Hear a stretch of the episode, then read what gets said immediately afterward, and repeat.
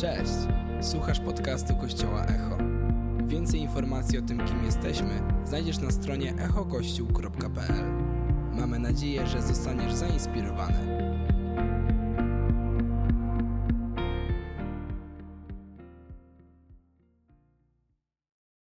Dzień dobry kościele, jak się macie?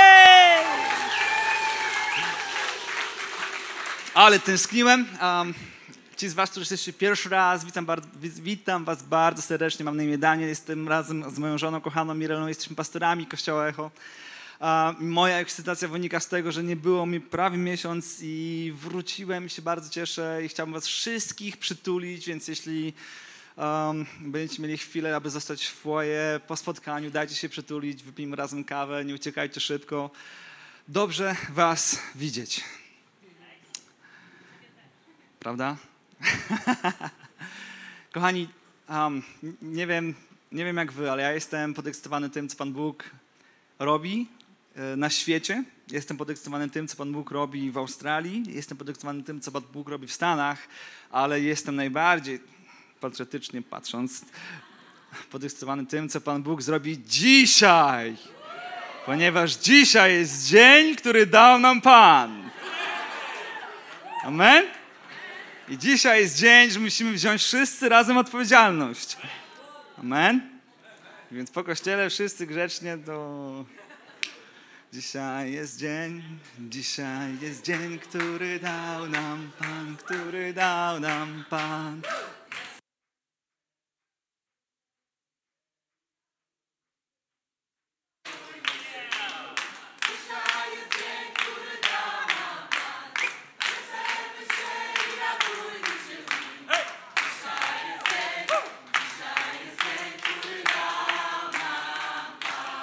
A znacie to? Jutro będzie dzień, jeśli da nam Pan. Oj, dobrze być w domu. Ja, jeśli ktoś z Was jeszcze do mnie nie uśmiechnął, proszę uśmiechnijcie naprawdę, odzajmijcie mój szczery uśmiech. kocham naprawdę Kościół, kocham Was, kocham ludzi i może nie z każdym z Was uda mi się dzisiaj przywitać, ale uwierzcie mi, naprawdę um, wierzę z całego serca, że nie ma innego miejsca jak Kościół. Byłem w Australii i odwiedziłem dom, w którym spotkałem zdjęcie moich przyjaciół z Polski, naszych kochanych bajaczków i włodkowskich, na szafie, na komodzie jednej z rodzin australijskich. I miałem taką myśl, nie ma drugiego takiego miejsca jak Kościół. Nie ma ani firmy, ani fundacji, ani organizacji, często nawet rodziny. Ale Kościół to jest miejsce, gdzie, o, tak, ranimy się, tak. Odciśniemy sobie czasem coś, tak. Ale tak jest w rodzinie. Skłamałbym, gdybym powiedział, że nie ranię mojej żony, a ona czasem nie rani mnie, rzadziej oczywiście. Ale przysięgałem, przyrzekałem, że będę do końca życia Ciebie kochał. I tak samo Pan Jezus Chrystus przysięga, że do końca życia będzie kochał nas. I to jest dla mnie przykład że Ty i ja jesteśmy powołani, żeby do końca życia siebie kochać i sobie przebaczać. Amen? A to jest moc w tym. Łatwiej zmienić Kościół, niż zmienić siebie. Więc jeśli ktoś z Was miał takie myśli, ma takie myśli, zmienię Kościół, bo ci ludzie są tacy, bo ten pastor jest taki, możesz trafić na gorszego.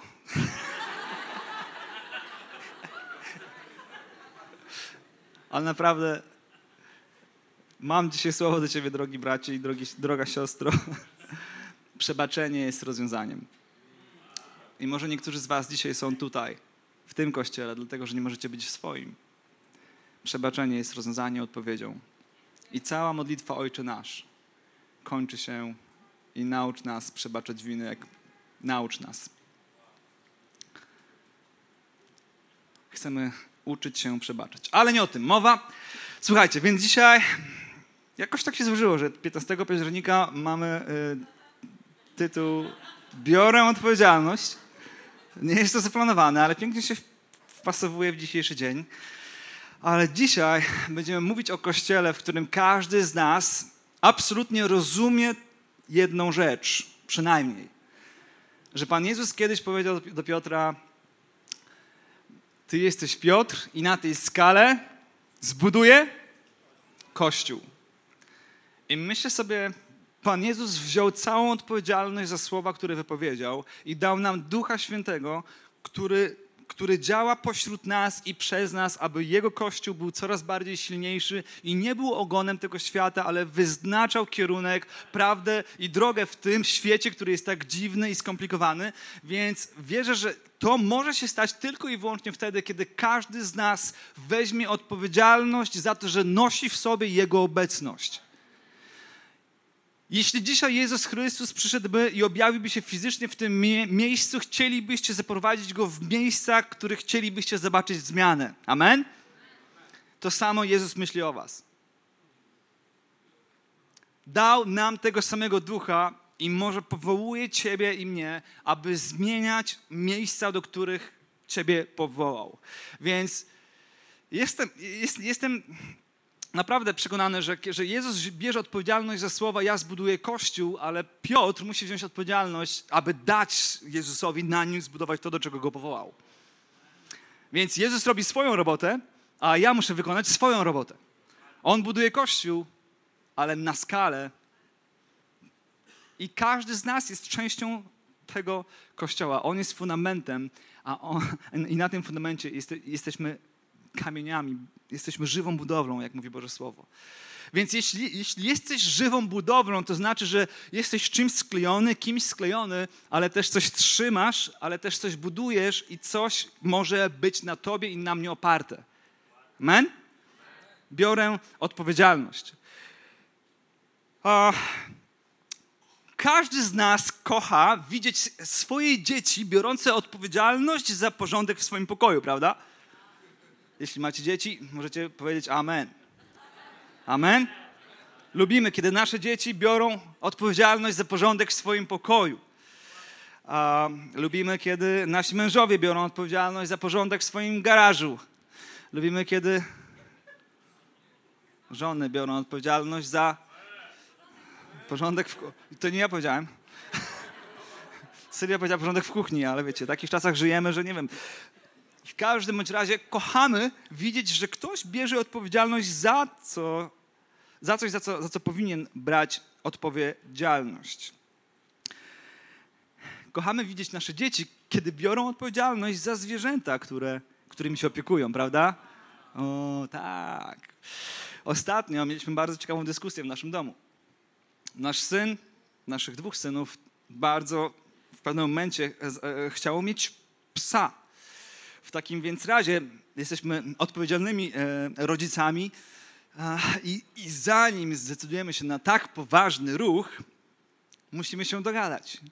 Więc zaczęliśmy rozmawiać i tłumaczyć naszym dzieciom, że jest odpowiedzialność za zwierzę, którym się opiekujemy. I zaczęliśmy tłumaczyć, czym ta odpowiedzialność jest. Że trzeba codziennie rano wstać, prawda, wyjść. Niektóre psy same wychodzą, ale nie, niektóre nie. Ale generalnie na tym to polega.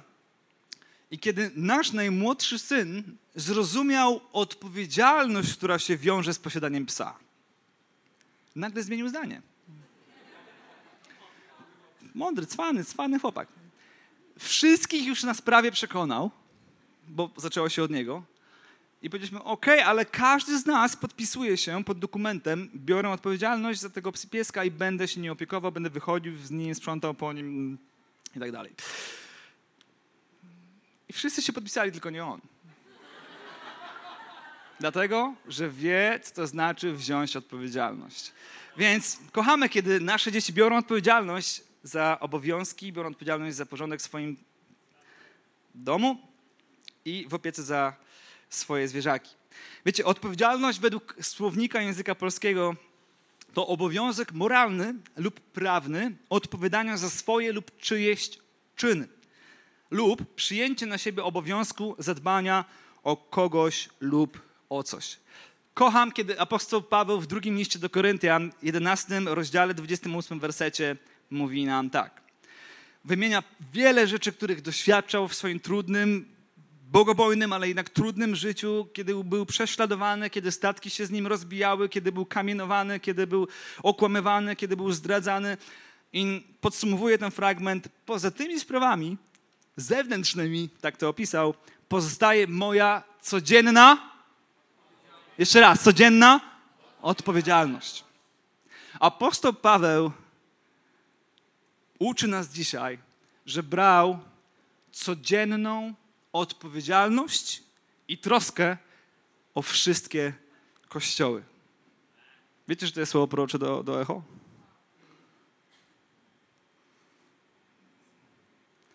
Dzisiaj bierzemy odpowiedzialność, codzienną odpowiedzialność. Wielu z Was nosi codzienną odpowiedzialność o wszystki jeden kościół.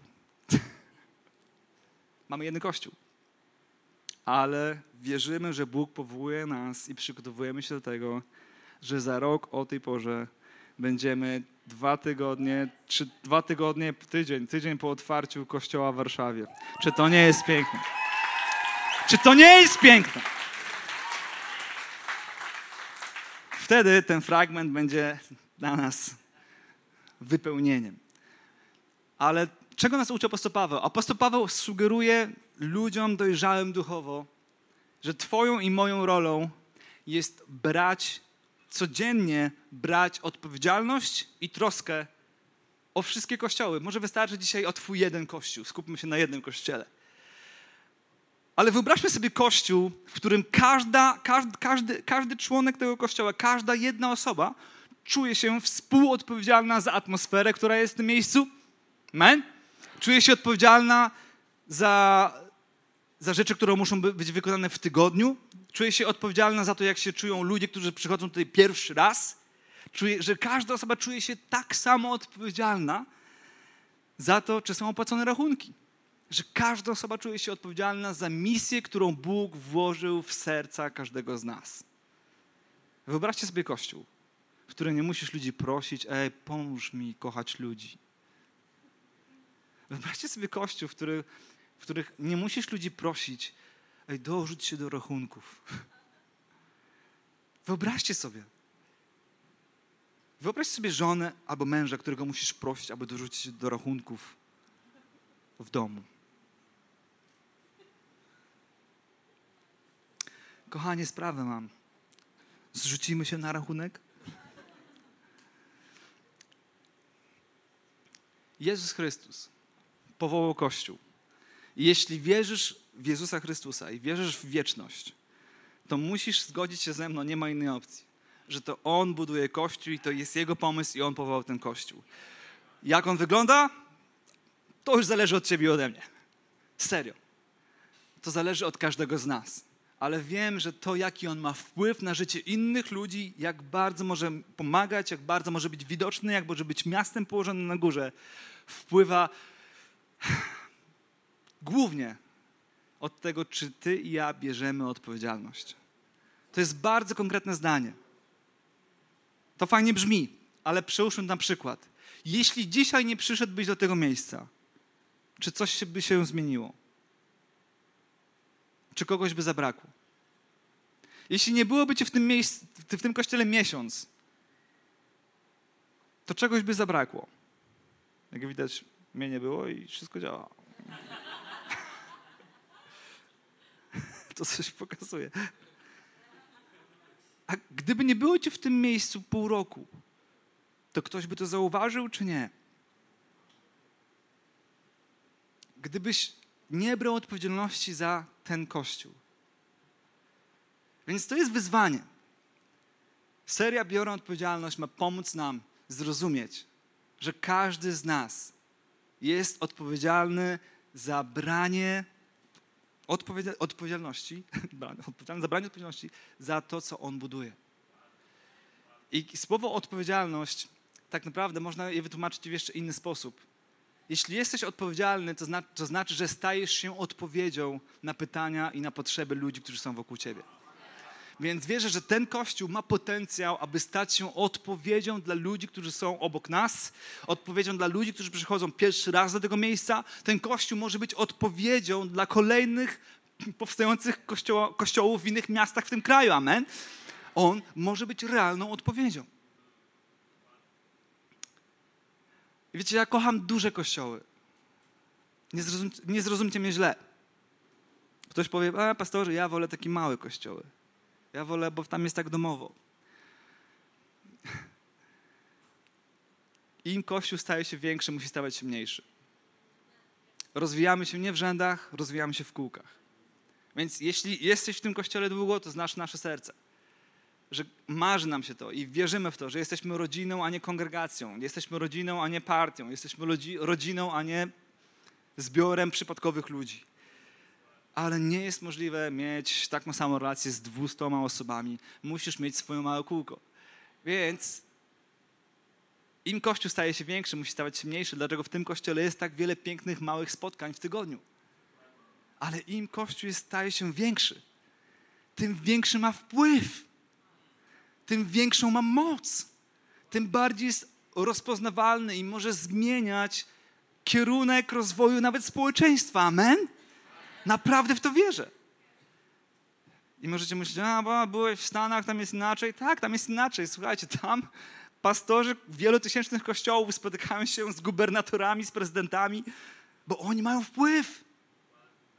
Ej, dzisiaj może jeszcze tego nie widzimy, ale im ten kościół będzie większy, tym większe znaczenie będzie miał w całym społeczeństwie.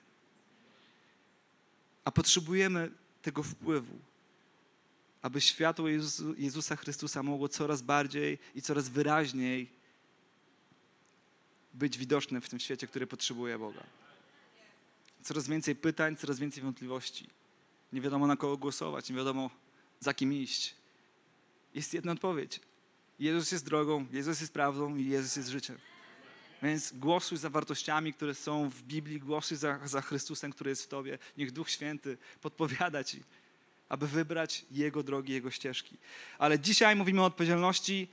Szczególnie chciałbym się skupić um, na temacie, który jest kontrowersyjny i postaram się go bardzo szybko rozpakować i bardzo szybko ugryźć. Chciałbym Was zachęcić, szczególnie nas, abyśmy wzięli odpowiedzialność za finanse. Abyśmy wzięli odpowiedzialność za finanse swoje osobiste, ale też o finanse Kościoła. Jak wiecie albo nie wiecie, jesteśmy w miesiącu bądź częścią cudu. Zbieramy środki i te wszystkie środki, które zbierzemy, będą w całości przeznaczone na otwarcie Kościoła Echo w Warszawie za rok. I absolutnie wierzę w to. I absolutnie wierzę w to, że Bóg na nas złożył tę odpowiedzialność i wierzę, że wkłada w nasze serca pragnienie i chęć, aby to się wydarzyło. I możemy sobie oczami wiary wyobrażać, ile ludzi skorzysta na tym, że powstanie kolejny piękny kościół w tamtym miejscu. Wiecie, kocham, kocham w ogóle temat, temat pieniędzy, kocham nauczać o finansach. Dlatego, że, że, że jest to temat najbliższy sercu. I tak naprawdę nie nauczasz, kiedy mówisz z kimś, kiedy rozmawiasz o pieniądzach, wiele ludzi jest onieśmielonych tym tematem, ale kiedy nauczasz o pieniądzach, które należą się Bogu, ale albo które należą do Boga, to ty nie mówisz o pieniądzach, o finansach, ty nauczasz o wierze. To nie jest kazanie o środkach materialnych. To jest kazanie o wierze, która ma wpływ na każdą dziedzinę Twojego życia. A portfel, jak mówią, nawraca się ostatni. I w moim pastorskim życiu widziałem już wiele momentów, które temu, które temu dowodziły.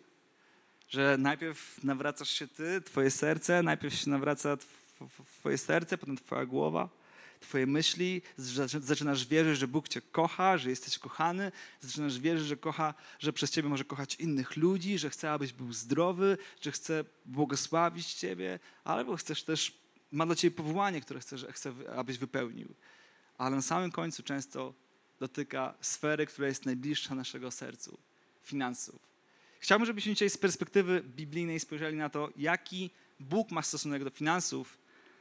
Um, wiecie dobrze, że ten Kościół, ten Kościół, jesteśmy, nie, nie powiem szczęściarzami, jesteśmy błogosławieni.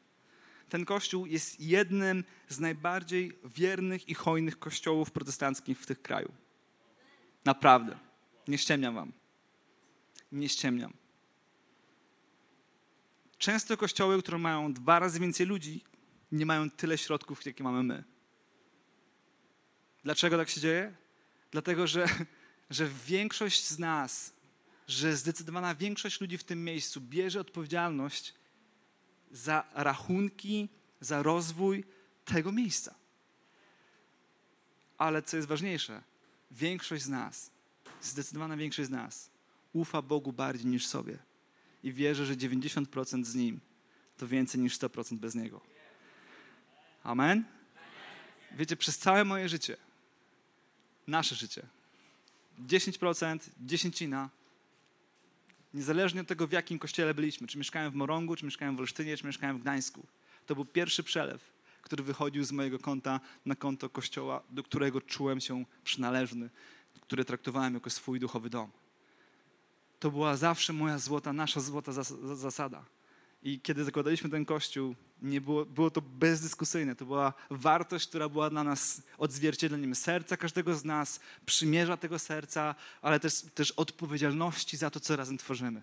I gwarantuje nam, że nie bylibyśmy w miejscu, w którym jesteśmy i nie mielibyśmy wpływu, który mamy, gdyby nie wierność ludzi w kwestii dziesięciny i finansów w tym miejscu. Więc naprawdę możecie być z siebie dumni. Możecie być z siebie dumni, serio. Jesteśmy pięknym przykładem. Jesteśmy pięknym przykładem w świecie, w którym, w którym, w którym Kościół i pieniądze jest bardzo kontrowersyjny. Możemy być pięknym przykładem, że, że pieniądze w Kościele mogą być tematem normalnym, transparentnym, oczywistym i mogą być mega mądrze zarządzane, aby to, co zbieramy, rozwijało Boże Królestwo. Amen. Ostatnio rozmawiałem z kimś o, o dziesięcinie, ktoś mi zadał takie pytanie, Daniel, a jak będziecie zakładać kościoły w innych miastach, to, to tam też będziecie tak y, robić bądź częścią cudu? A ja tak pytam, no a dlaczego nie? Nie, no bo generalnie w innych miastach to może być problem, że ludzie tak nie będą chcieli w to uwierzyć. Wow! Serio? I nie, nie była to przypadkowa osoba, była, była to osoba, która, um, z którą się dobrze znam. I, i, ona sugerowała, że, że, że, go, że, że ge, ge, geograficzna lokacja ma wpływ na to, czy ludzie bardziej czy mniej wierzą w sferze finansów. Może to być związane z jakimiś trudnymi doświadczeniami, z traumami, ale czy możemy dzisiaj stanąć powyżej tego, co mamy w polskich głowach i zobaczyć, przyjrzeć się tematowi finansów nie przez pryzmat polskich doświadczeń, a przez pryzmat Bożego Słowa? I kiedy zacząłem drążyć i pytać tej, tej osoby, ona powiedziała, no bo wiesz, bo w tych rejonach ludzie wierzą, że dziesięcina to jest Stary Testament. Że to jest Stare Przymierze, a my żyjemy w Nowym Przymierzu kocham te pytania, kocham po prostu od razu. Od razu się odpalam i mówię, okej, okay, okej, okay, super, zróbmy sobie małe nauczanie.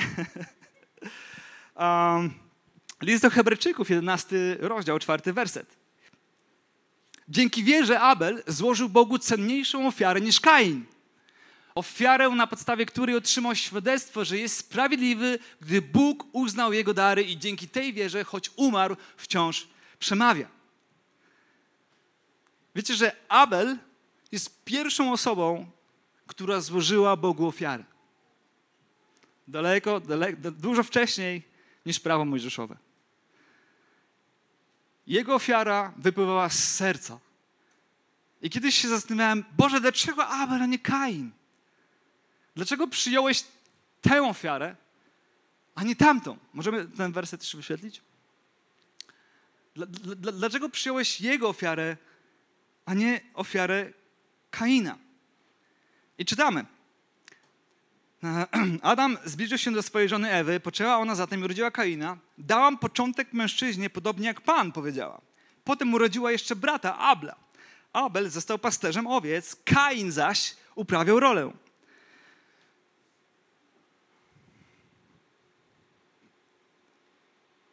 Po pewnym czasie Kain złożył Panu Panu ofiarę z plonu ziemi. Abel również złożył ofiarę z tłuszczu swych pierworodnych. Widzicie różnicę? Po pewnym czasie? Pierworodnych. Pan Bóg ma, Na, dla Niego naprawdę ma to, ma to znaczenie. Czy to, co Jemu dajesz, jest tym, co jest pierwsze w Twoim życiu, czy tym, co sobie przypomnisz po pewnym czasie, mu coś dasz.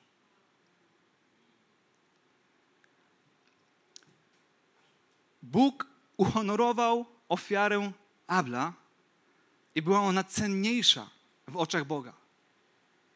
Ze względu na to, że była dana nie po pewnym czasie, ale w pierwszej kolejności.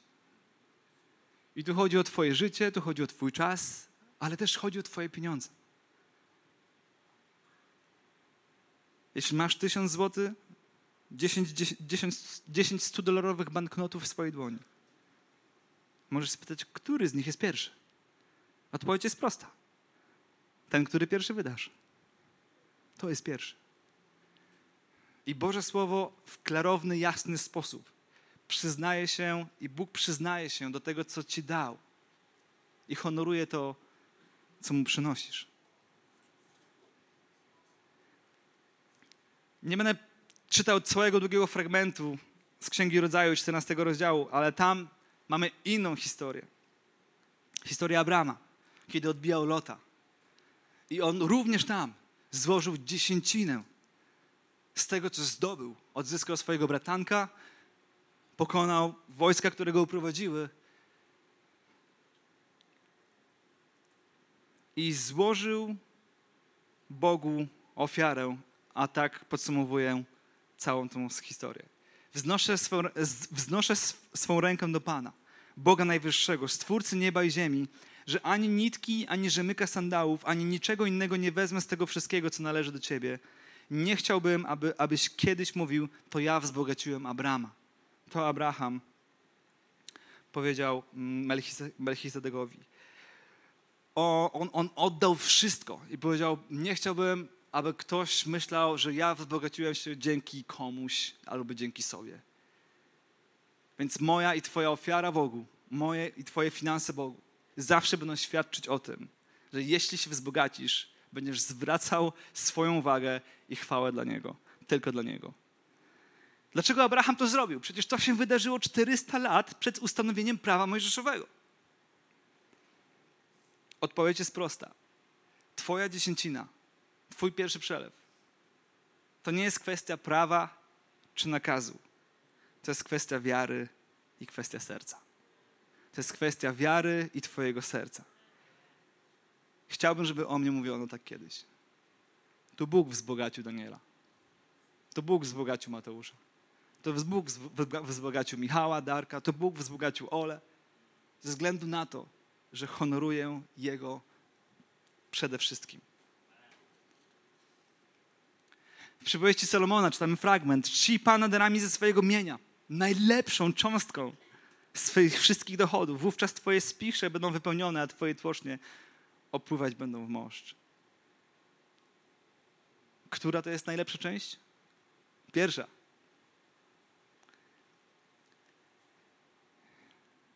Jeśli chcesz Bogu oddać z tego, co ci zbywa, to nie potrzebujesz wiary. Umówmy się. Potrzebujesz wiary, jeśli chcesz oddać Mu to, co jest pierwsze. Tak naprawdę, właśnie, Ty nawet Mu tego nie dajesz. Ty Mu to przynosisz. To nie jest Twoje. Jeśli uwierzysz, że Bóg troszczy się o Ciebie i daje Ci chleb, i daje Ci zdrowie, i daje Ci siłę do pracy, to będziesz wierzył w to, że On daje Ci zaopatrzenie i On jest Twoim dobrostanem, on jest Twoim zaopatrzeniem. Nie ja, nie moje muskuły, nie moja inteligencja, to jest wszystko prawda, dzięki Tobie, super, ale Bóg Cię uzdalnia. I mój pierwszy przelew, i Twój pierwszy przelew to potwierdza, że to jest Jego. Co Jezus mówił o dziesięcinie? Ewangelia Mateusza, 23 rozdział, 23 werset mówi do znawców prawa, do faryzeuszy. Biada wam znawcy prawa i faryzeusze, obłudnicy. Dajecie dziesięcinę, uwaga, zmięty kopru, więc jeśli masz ogródek działkowy, przyjrzyj się. Dajecie dziesięcinę zmięty, kopru oraz kminku, a porzuciliście to, co w prawie jest ważniejsze. Sprawiedliwy sąd, miłosierdzie oraz wiarę. To należało zachować, a i tamtych spraw nie porzucać. Jezus jest bardzo jasny w kwestii dziesięciny. On niczego nie znosi, on to wypełnia, on to podbija, on tłumaczy, dlaczego to jest ważne. Chciałbym Was dzisiaj zachęcić do tego, żebyśmy byli jeszcze bardziej odpowiedzialnym Kościołem. Jeszcze bardziej odpowiedzialnym przed Bogiem o to, co jest obok nas. W księdze Malachiasza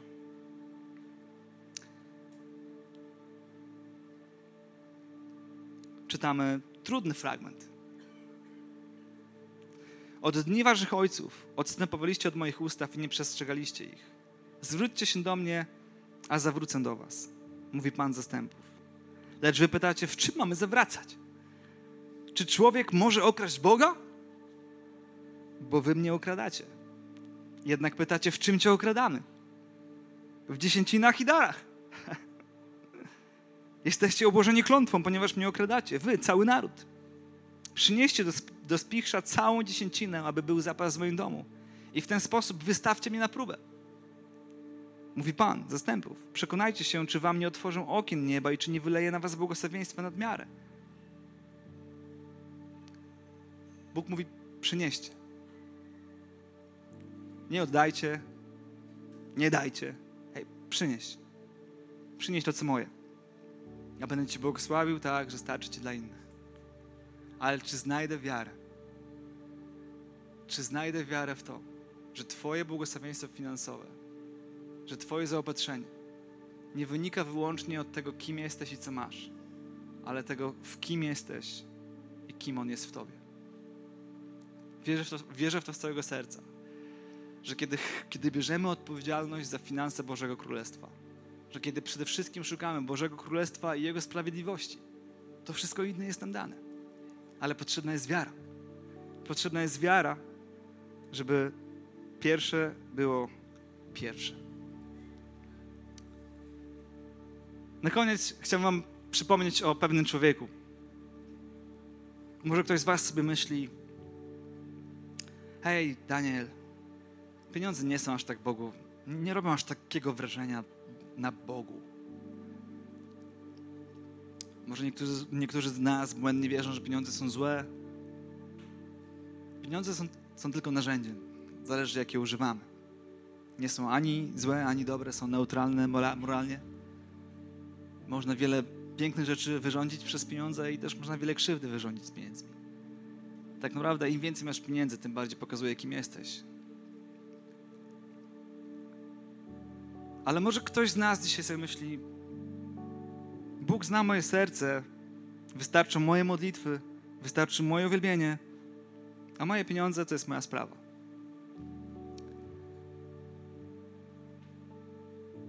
Chciałbym Cię zachęcić, przyjacielu, abyś zaufał Bogu, abyś zrobił krok wiary, abyś zainspirował się historią jednego pewnego setnika, która jest zapisana w dziejach apostolskich w dziesiątym rozdziale. Czytamy tam, że w Cezarei stacjonował pewien setnik, a miał na imię Korneliusz i należał do kohorty zwanej italską. Korneliusz był człowiekiem pobożnym i bogobojnym, zarówno on sam, jak i cały jego dom. Jako człowiek miłosierny wspierał lud hojnymi datkami i nieustannie modlił się do Boga. To jest Nowy Testament, Jezusa już nie ma. Jezus już jest po prawicy Ojca, Duch Święty działa. Dzieje apostolskie, apostołowie zakładają Kościół i nagle pojawia się pewien człowiek. Człowiek miłosierny, który wspierał lud hojnymi datkami i nieustannie modlił się do Boga. Dlaczego ktoś, dlaczego autor dziejów apostolskich uznał za słuszne, aby przypomnieć nam, że wspieranie datkami innych jest równoznaczne z modlitwą.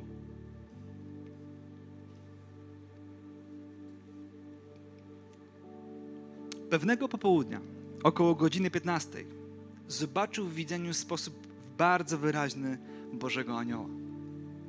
Anioł podszedł i przemówił: Korneliuszu, Korneliuszu! Wpatrzony w niego i przestraszony zapytał, co się stało, panie, co się stało?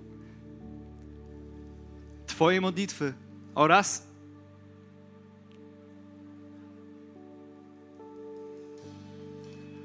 Twoje modlitwy, odpowiedział anioł, sprawiły, że Bóg zwrócił na ciebie uwagę. Może niektórzy z nas do tej, myśle, do tej pory myśleli, że, że, że jest tak napisane. Że tylko Twoje modlitwy zwracają uwagę Boga.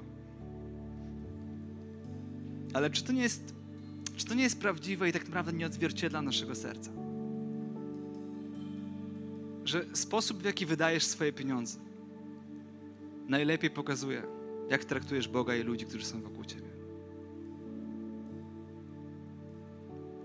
Dla mnie to jest oczywiste.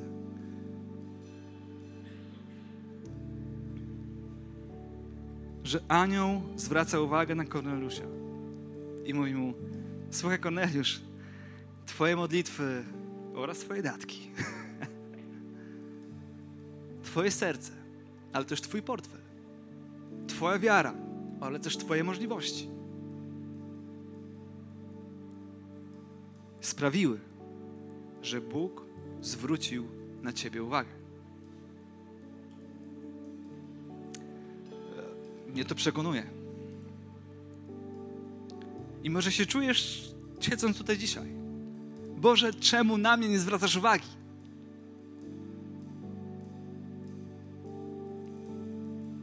Może musisz spojrzeć w Boże Słowo i zobaczyć, gdzie jest Twoje serce. Czy chciwość nie jest Twoim Bogiem? Czy pycha nie jest Twoim Bogiem? Czy pamiętasz, co to miłosierdzie? Czy pamiętasz, co to hojność? Czy pamiętasz, co to znaczy błogosławić komuś?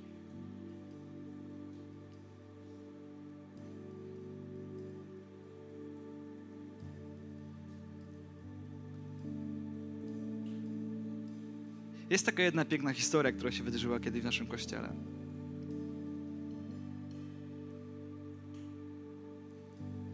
Cudowna historia. Ktoś z tego kościoła kiedyś dostał samochód. Pamiętacie?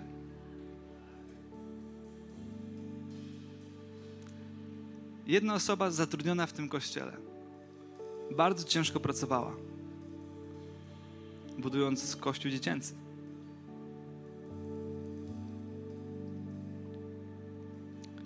I sumiennie miesiąc w miesiąc odkładała oprócz dziesięciny małą sumę pieniędzy, aby kupić jakiś mały samochód. Po roku odkładania nie było tych pieniędzy nie wiadomo ile.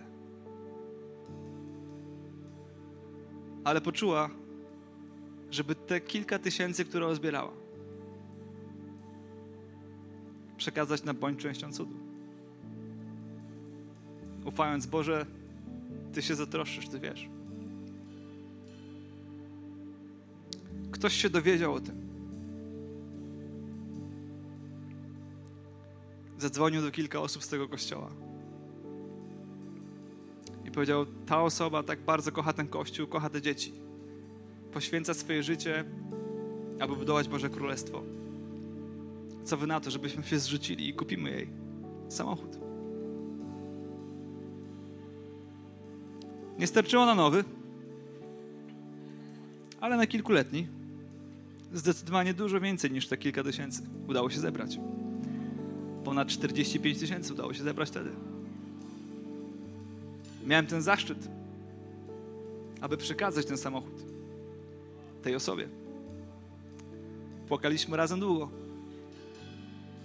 Ale co jest najpiękniejsze? Że niektórzy z Was siedzą tutaj i się tylko cicho uśmiechacie. Bo wiecie, że mogliście być częścią tego małego cudu, który zmienił jej całe życie. I dzięki temu samochodowi mogła lepiej służyć w tym kościele, przewozić dzieci, rzeczy i tak dalej. Co się dzieje, jak postawisz Boga na pierwszym miejscu? Czy Pan Bóg nie widzi Ciebie? Czy Pan Bóg nie wyleje? Więc potrzebna jest tylko wiara. Dziękujemy, że byłeś z nami. Mamy nadzieję, że zostałeś zainspirowany.